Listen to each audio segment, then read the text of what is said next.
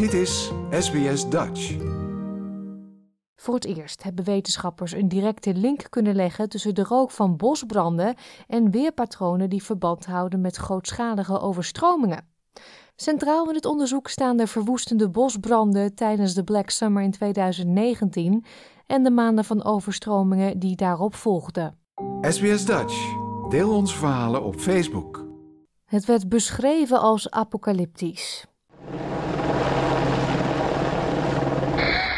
Yeah, spot fires galore down here. We're talking about 60, 70 meter flame heights. 60, 70 meter flame height.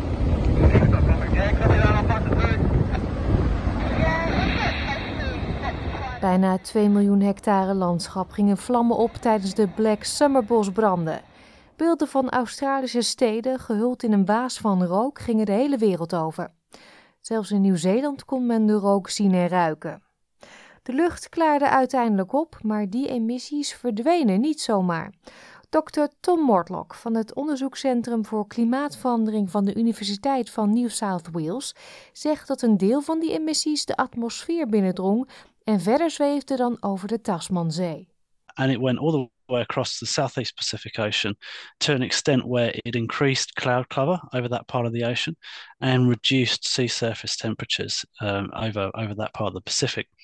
Now, the southeast Pacific Ocean is a really important part of the ocean in terms of um, El Nino Southern Oscillation. It's where we often see the onset of an El Nino event or an onset of a La Nina event, and any externalities um, like cloud cover, for example, certainly can push the system into one state or another. Wetenschappers van het National Center for Atmospheric Research in de Verenigde Staten hebben die emissies waargenomen. Ze ontdekten dat ze een directe invloed hadden op het begin van het La Nina weerpatroon van 2020. Professor Pete Strutton is van het Center for Excellence for Climate Extremes van de Australian Research Council, kortweg ARC.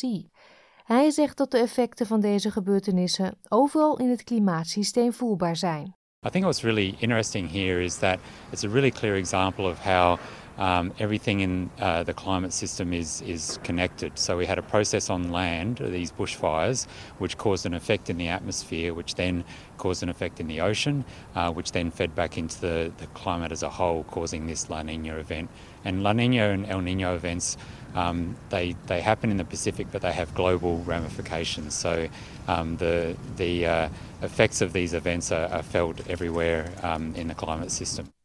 La Nina, dat in Australië koelere weersomstandigheden en meer regen met zich meebrengt, gebeurt van nature.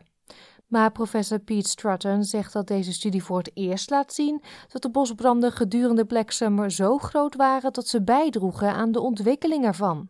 So um, the, the system is always changing, and there's always uh, perturbations that can tip it one way or the other into El Nino or into La Nina. So in this case, the fires definitely helped to tip the system into La Nina situation. En dat zorgde weer voor andere verwoestingen in de vorm van grootschalige overstromingen. Grant Nicholson uit Forbes was een van de getroffenen. The 12 months, November 21 to November 22, I had three floods that I had to deal with here, uh, and a couple of almost. Um, so the water was through my yard and sheds on three occasions and went through the house twice. Australië heeft uiteindelijk drie jaar op rij te maken gehad met La Nina-omstandigheden. En hoewel de bosbranden hebben bijgedragen aan de eerste, waarschuwt professor Strutton ervoor om hen niet de schuld te geven van de andere twee La Nina's.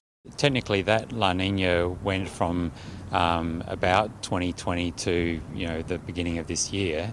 Um, so that's the, the three in a row. Um, and the uh, the bushfires occurred right at the beginning of that three year. And, the, and the, the authors said that they weren't expecting to see such a prolonged influence of the bushfire aerosols on the climate. But um, you know, it persisted for uh, probably a year, but not three years. Dit was een verhaal van Hannah Kwon en Kath Landers voor SBS Nieuws, vertaald in het Nederlands door SBS Dutch. Like, deel, geef je reactie. Volg SBS Dutch op Facebook.